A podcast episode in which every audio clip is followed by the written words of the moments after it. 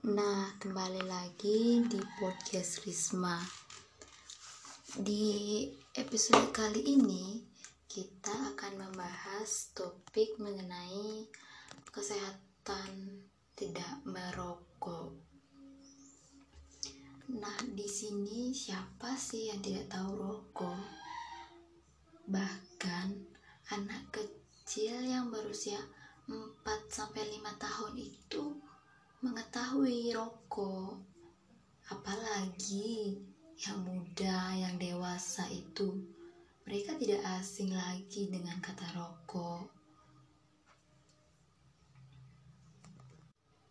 Dan anak muda, khususnya para cowok-cowok atau kaum laki-laki itu pastinya merokok meski ada beberapa yang saya temui teman-teman saya tidak merokok tapi yang saya temui itu adalah kebanyakan orang-orang merokok.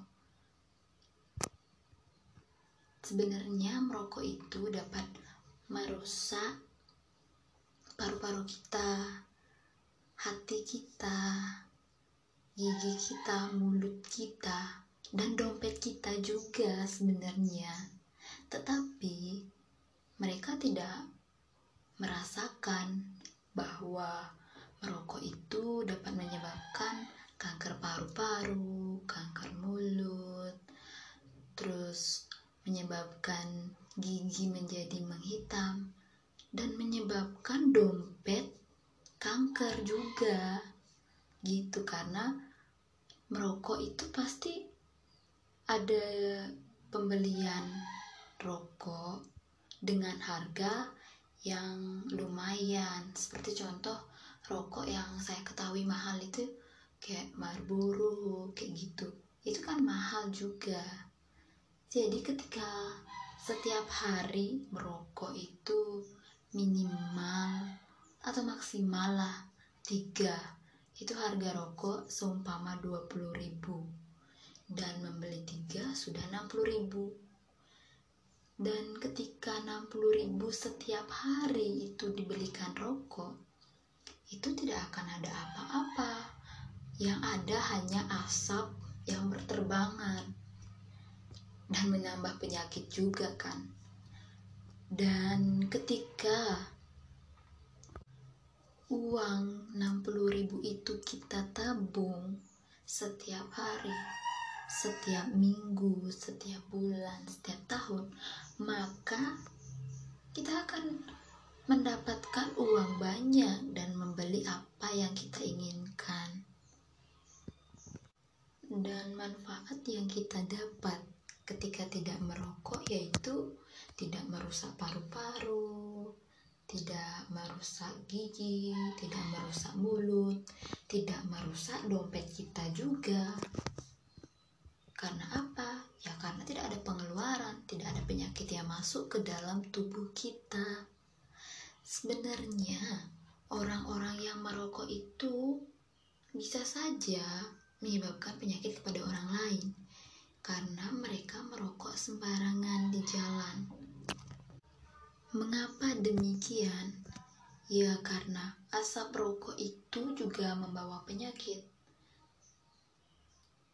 ketika si perokok dan si yang menghirup udara rokok yang perokok akan sedikit kena penyakit sedangkan yang menghirup itu lebih banyak kena penyakit. Lebih bereaksi kepada si penghirup asap rokok. Makanya ada kawasan di mana Anda tidak boleh merokok seperti kawasan rumah sakit. Karena mungkin di rumah sakit banyak orang yang sakit dan itu kawasannya tidak boleh merokok. Jadi kita sebagai anak muda selagi bisa tidak merokok selagi bisa uang rokok itu ditabungkan kenapa tidak? Untuk ini juga untuk kebaikan masa depan kita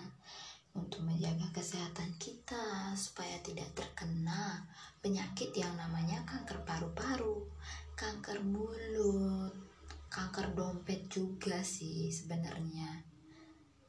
jadi saran saya itu semelagi masih belum kecanduan kita harus tetap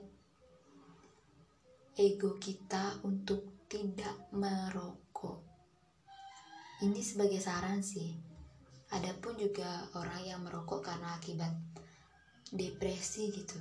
Ada memang ada jadi selagi masih bisa tidak merokok ya kita janganlah sekali-sekali mencoba merokok karena jika sudah kecanduan rokok ya kita tidak bisa sembuh dari kata merokok ada beberapa orang yang bisa sembuh karena memang dia memiliki penyakit atau apa yang haruskan yang mengharuskan mereka berhenti merokok.